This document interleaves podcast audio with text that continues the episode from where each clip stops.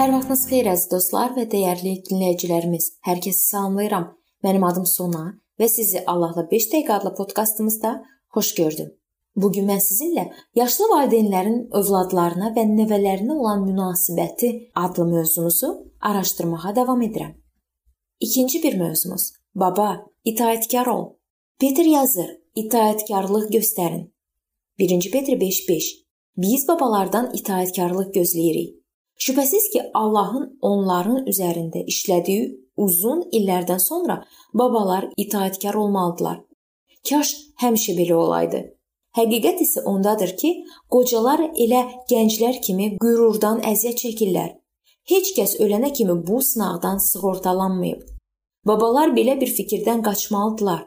Mən həyatda hər şey görmüşəm. Siz mənə nə isə öyrədə bilməzsiniz. Əgər belə bir düşüncə tərzi yüngül kamallılıq əlamətidirsə, ətrafdakılar sadəcə gülümsəyib keçə, bağışlaya və dua edib Allahdan ona şəfa diləyə bilərlər. Lakin əqli cəhətdən sağlamıqsa və bununla belə qürurla bacarıqlarımız barədə düşünürüksə, bizimlə yaxşı münasibətlər qurmaq çətin olacaq. Biz yanlarına insanların məsləhət üçün gəldikləri ağsaqqallar kimi olmağa çalışmalıyıq. Ən yaxşısı dua edən ağsaqqallardan olmaqdır. Əgər təsirimiz altında olanlar üçün daim dua etsək, Allah bizə həm onlara, həm də özümüzə düzgün yanaşmağa kömək edər. Gəlin nənənin roluna baxaq.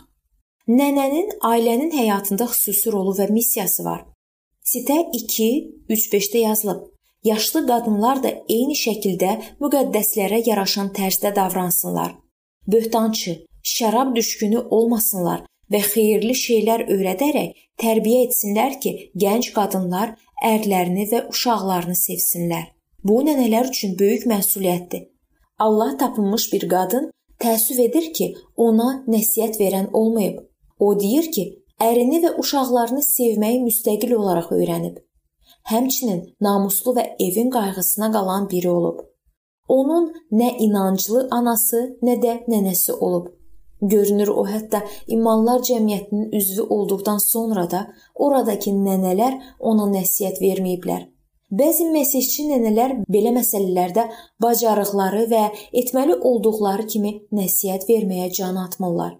Bəlkə zamanənin dəyişdiyini, nəvələrin də nənələr kimi dəyərlərə malik olmayacağını düşünməyə adət etmişik. İffət sözü nənə üçün nə deməkdirsə, nəvə üçün o deməkdir. Bu keyfiyyətlər bu gün keçmişdə olduğu kimi təzahür edirmi? Əgər nəvənin paltarının qolu və ya ətəyinin uzunluğu dəbə uyğun dəyişirsə, nənə buna diqqət edirmi və ya etməlidirmi? Nəyin iffətli, nəyin iffətsiz olduğuna nənə diqqət yetirməli, sonra zəruri olan qədər ifşa etməlidirmi?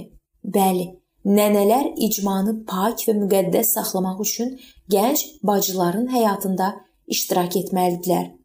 Və sonuncu, övladların və nənələrin həyatında iştirak etməkdə davam etmək lazımdır.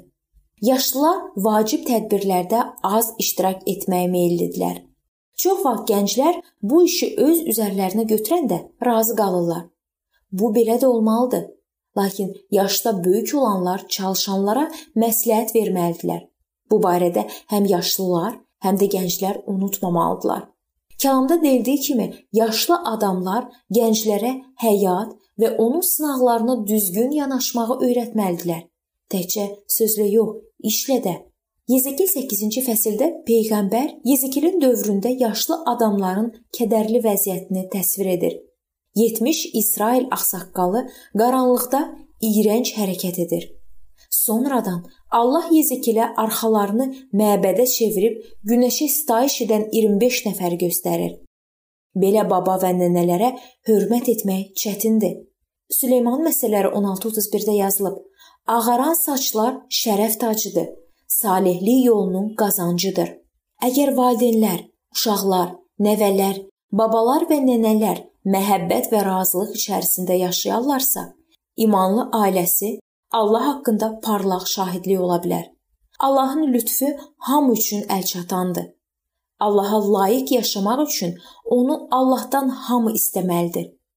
Allah ondan qorxan və onun üçün yaşayan ər arvadı xeyir-dualı edəndə onları müşahidə etmək nə qədər də xoşdur. Allahın köməyi ilə onlar bir çox fırtınalardan şərəfli çıxacaqlar. Hər bir çətinlik onların Allahla və bir-biri ilə bağlarını daha da möhkəm edəcək.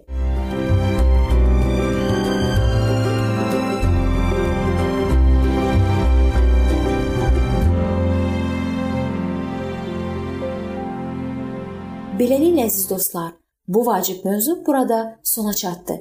Hər zaman olduğu kimi sizi dəvət edirəm ki, bizim podkastlarımızı Facebook səhifəmizdən və YouTube kanalımızdan dinləməyə davam eləyəsiniz.